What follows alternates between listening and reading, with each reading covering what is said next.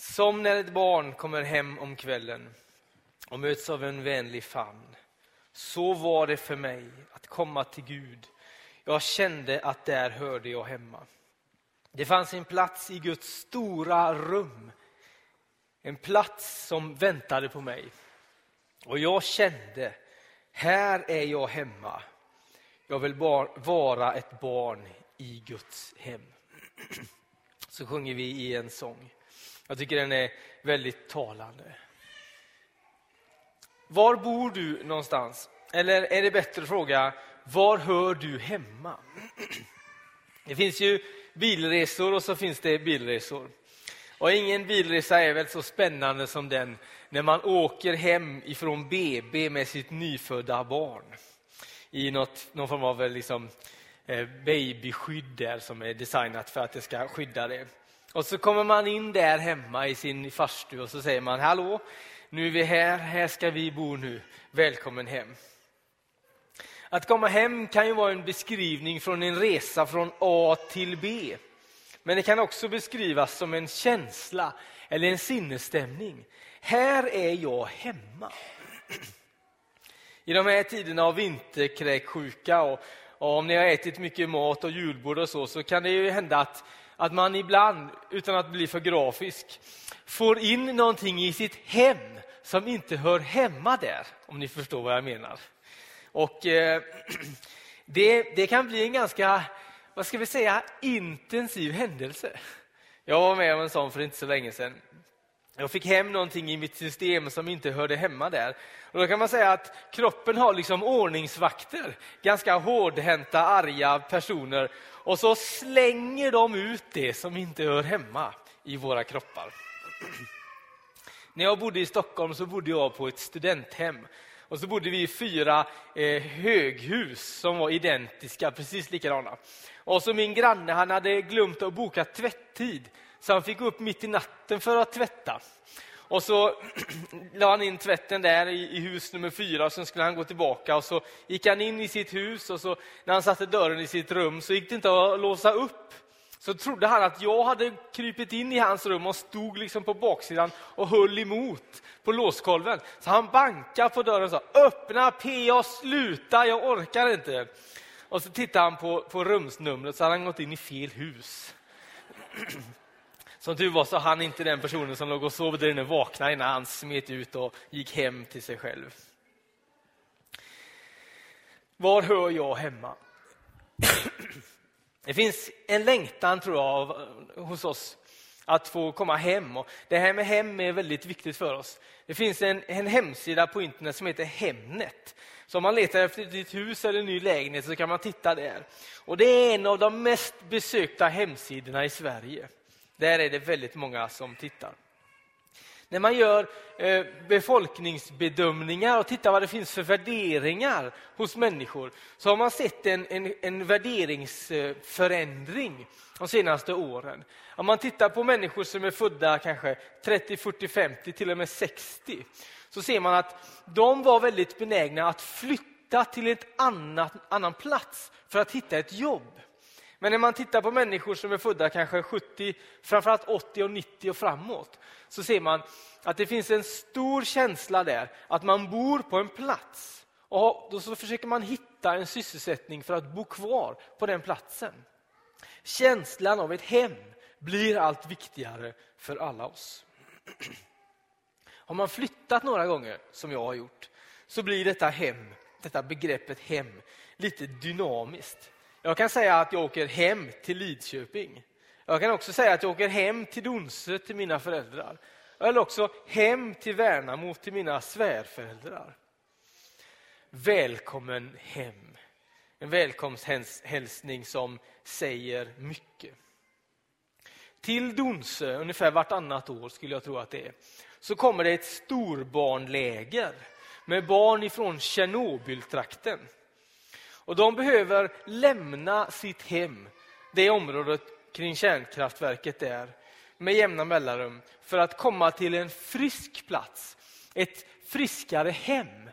För att deras kroppar ska ges möjlighet att renas och släppa iväg de ämnen som binds i deras kroppar.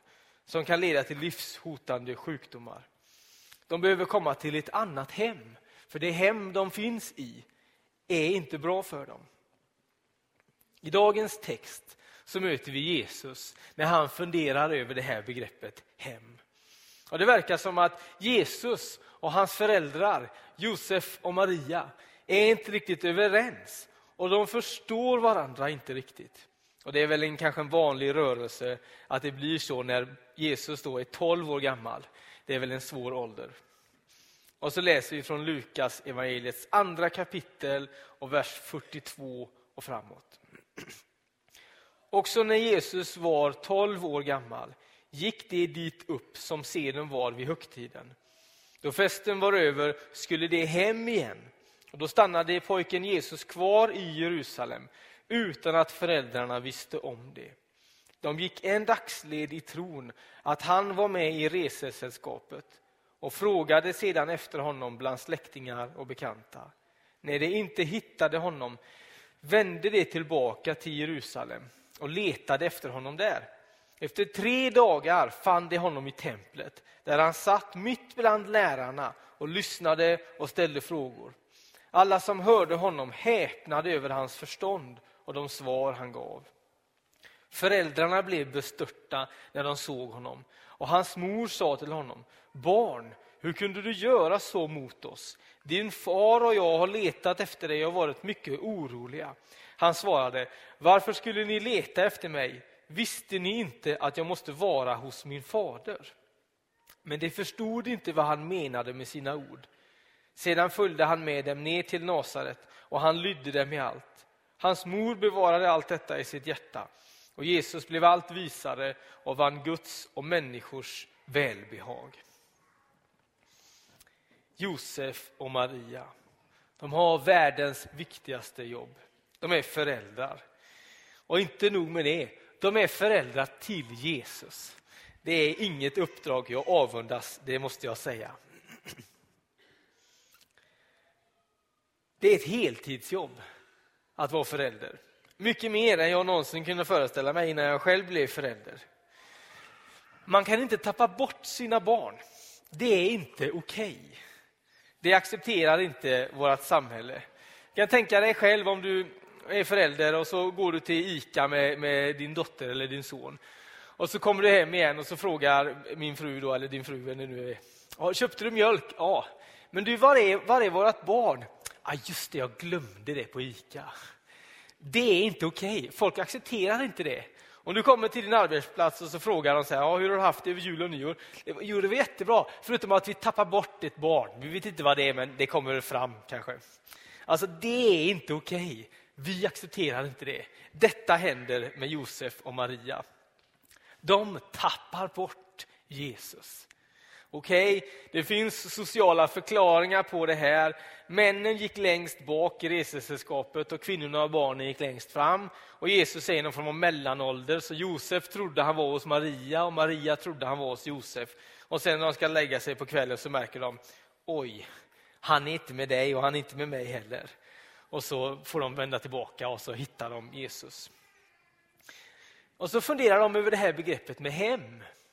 Och så när de möter Jesus så frågar de, hur kunde du göra så här? Varför följer du liksom inte med hem? Och så förstår Jesus inte alls vad han säger. Vadå, säger han. Förstår inte ni att jag är hemma här? Och när man läser den här texten på grekiska och försöker titta i grundtexten så står det faktiskt så här. I vårt nya testamente så står det i vers 43. Då festen var över skulle de hem igen och då stannade Jesus kvar i Jerusalem. Och likadant på, grek, på engelska så står det They were returning home. Men på grundtexten i grekiskan så finns inte detta ordet hem med. Det har lagts till där för att klargöra vart de är på väg, säger bibelöversättarna. Egentligen så står det så här. De åkte upp till Jerusalem och sen så åkte de tillbaka. Begreppet hem finns inte om Nasaret i den här texten. Och Det är kanske därför som vi förstår någonting av det som Jesus säger. Han kände sig hemma där. Och så beskriver han det som en plats där närheten till Fadern är påtaglig. Förstod ni inte, säger han, att jag måste få vara hemma hos min pappa? Det är ju där jag egentligen hör hemma. Detta är inte lätt för Josef och Maria att förstå.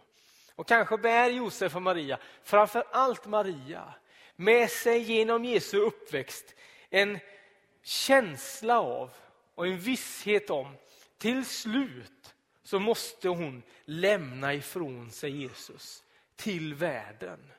Han är inte bara Josef och Marias frälsare och Messias. Han är världens frälsare. Kanske är detta någonting och det första som Maria får förstå. Hon måste till slut lämna honom. Hon kan inte kontrollera honom. Jesus är inte vem som helst. I samtalet med de skriftlärda och människorna runt omkring Jesus där i templet så står det att det samlas mycket människor runt Jesus där. Det verkar vara ett helt gäng som sitter och lyssnar på vad Jesus har att säga. Och så står det att de häpnar i mötet med Jesus. Det blir tydligt för alla, han är inte vem som helst. Och när Jesus sen går omkring där i det landet så går han liksom från punkt A till punkt B. Han går runt Jerusalem, han går upp, han går ner, han går fram och tillbaka. Och varje gång han rör sig från en plats till en annan så beskriver bibeltexterna att han möter människor på varje plats. Och så verkar det som att ju längre Jesus går och ju längre han är igång så samlas det bara mer och mer människor runt honom. Som liksom lämnar sina vardagssituationer för att följa Jesus hem. Det är som att Jesus bär, fastän att han är i rörelse och vandrar, så verkar det som att när människor möter Jesus så hittar de ett hem i hans närhet som är så värdefullt för dem att när Jesus går vidare, då måste de gå med honom hem i vandringen. Jag vet inte om ni hängde med på den utläggningen, men jag tänker i alla fall så. Jag har blivit välsignad med flera hem. Inte så att jag äger massa hus på olika ställen, verkligen inte så. Men jag har blivit välsignad med att ha flera hem. Hemlöshet, det är tufft. Det är inte roligt. Inte bara för att det är kallt de mörka vinternätterna eller att det kan vara tröttsamt och inte veta var man ska sova. Hemlöshet är så fruktansvärt, mest för att det berövar oss ett av våra viktigaste behov. Att ha en plats där vi kan landa i kärlek och trygghet och känna och förstå och veta, här är jag hemma. Jesus vet någonting om hemlöshet. Han vet vad det innebär. Vid ett tillfälle så säger han, alla djur som finns har någonstans att bo och sova. Och ni har era hem. Men jag har ingenstans där jag kan få lägga mitt huvud och vila ut. När Jesus föds, då är han inte hemma. Han är på besök hos släktingar i Betlehem. Och när han växer upp, det första de får göra är att de får fly till Egypten. De blir flyktingar. Och sen kommer de hem och då får de ett hem, verkar det som. Men sen lever Jesus stora delar av sitt liv i rörelse, i vandring, från A till B. Han vet någonting om detta med hemlöshet. Jag hade en vän i den övre tonåren. Han låg i krig med sina föräldrar. Och liksom inget vanligt krig, du vet så här vanlig tonårskonflikt, liksom, hur sent man får vara ute på kvällen. Utan ett mycket djupare och mycket mer smärtsamt krig, en riktig konflikt. Och så sa han till mig så här, PA det, det är så jobbigt, jag kan inte få vara hemma i mitt eget hem. Jag kan aldrig slappna av. Jag trivs inte där och de trivs inte med mig, det är uppenbart för alla.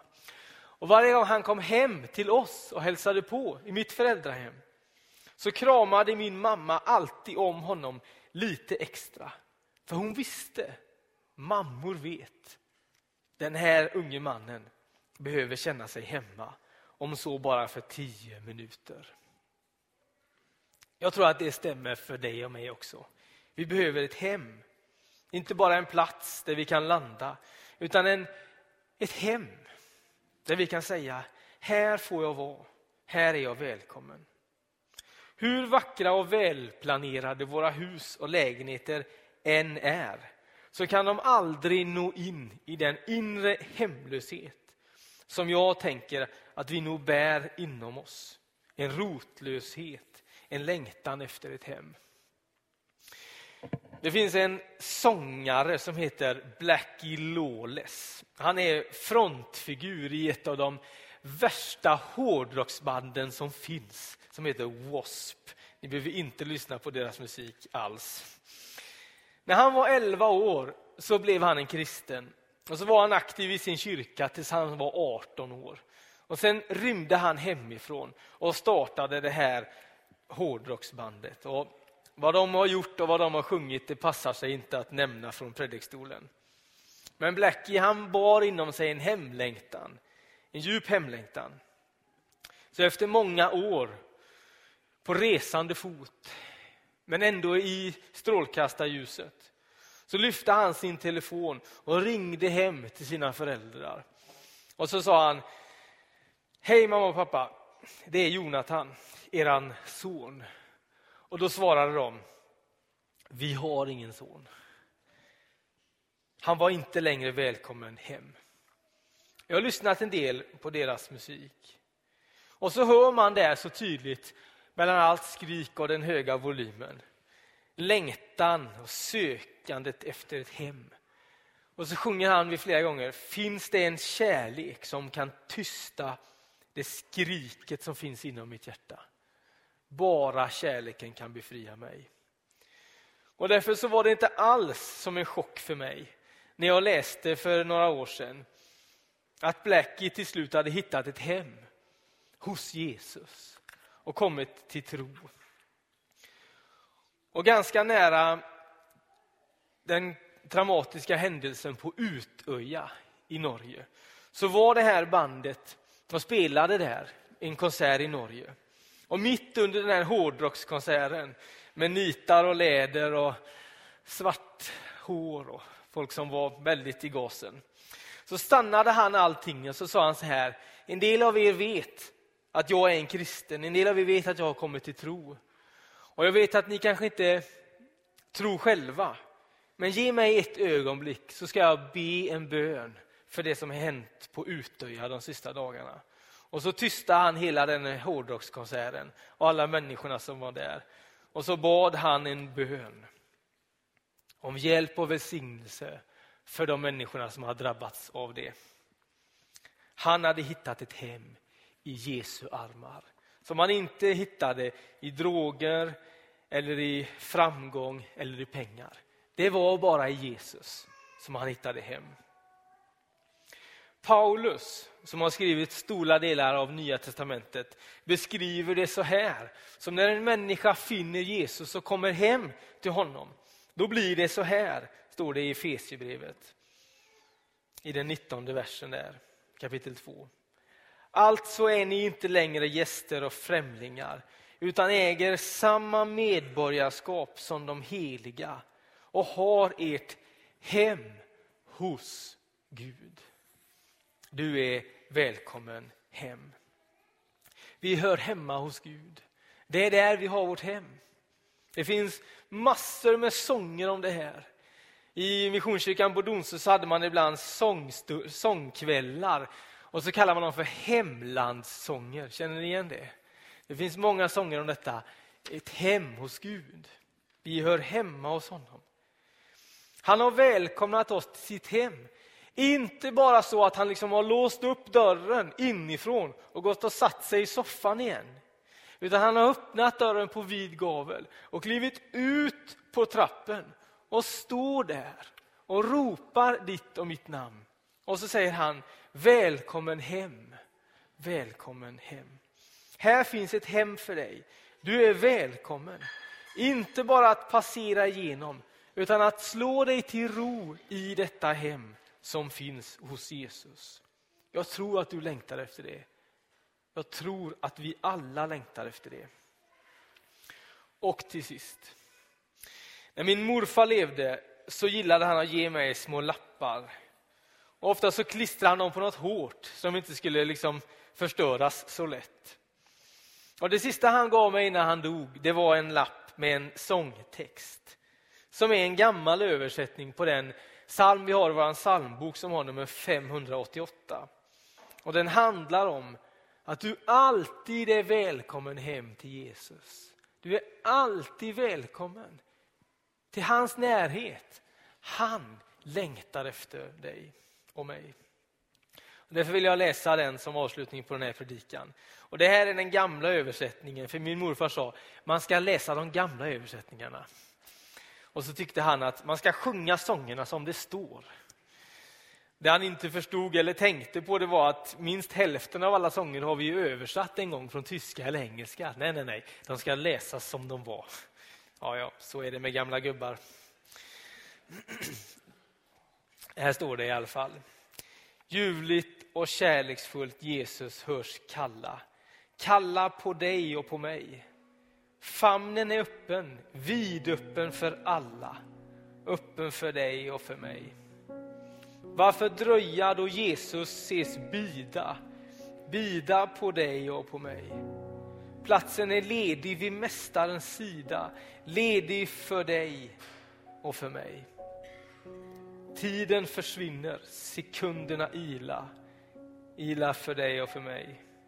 Skynda, hos Jesus finns trygghet och vila, vila för dig och för mig. Och vilken underbar kärlek han skänker. Skänker åt dig och åt mig. Och hur i nåd han i ömhet tänker på dig och på mig kom hem. Du som är sargad, kom hem. Jesus nu väntar och bidar och kallar. Kallar den trötte, kom hem.